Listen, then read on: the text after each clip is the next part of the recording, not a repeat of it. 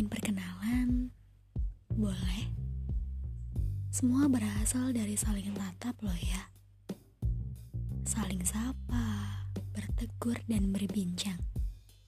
Lama-lama menjadi cinta. Terlalu klise, tapi nggak apa-apa. Kan semua ada jalan dan prosesnya. Mau bilang itu kesalahan.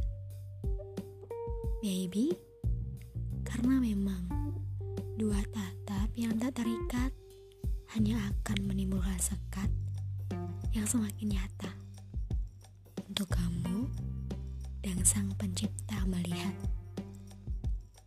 Lantas bagaimana?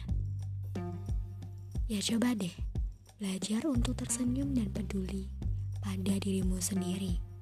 Kelak, nanti kamu bisa dan peduli memberikan senyuman itu untuk dia yang kamu kasihi.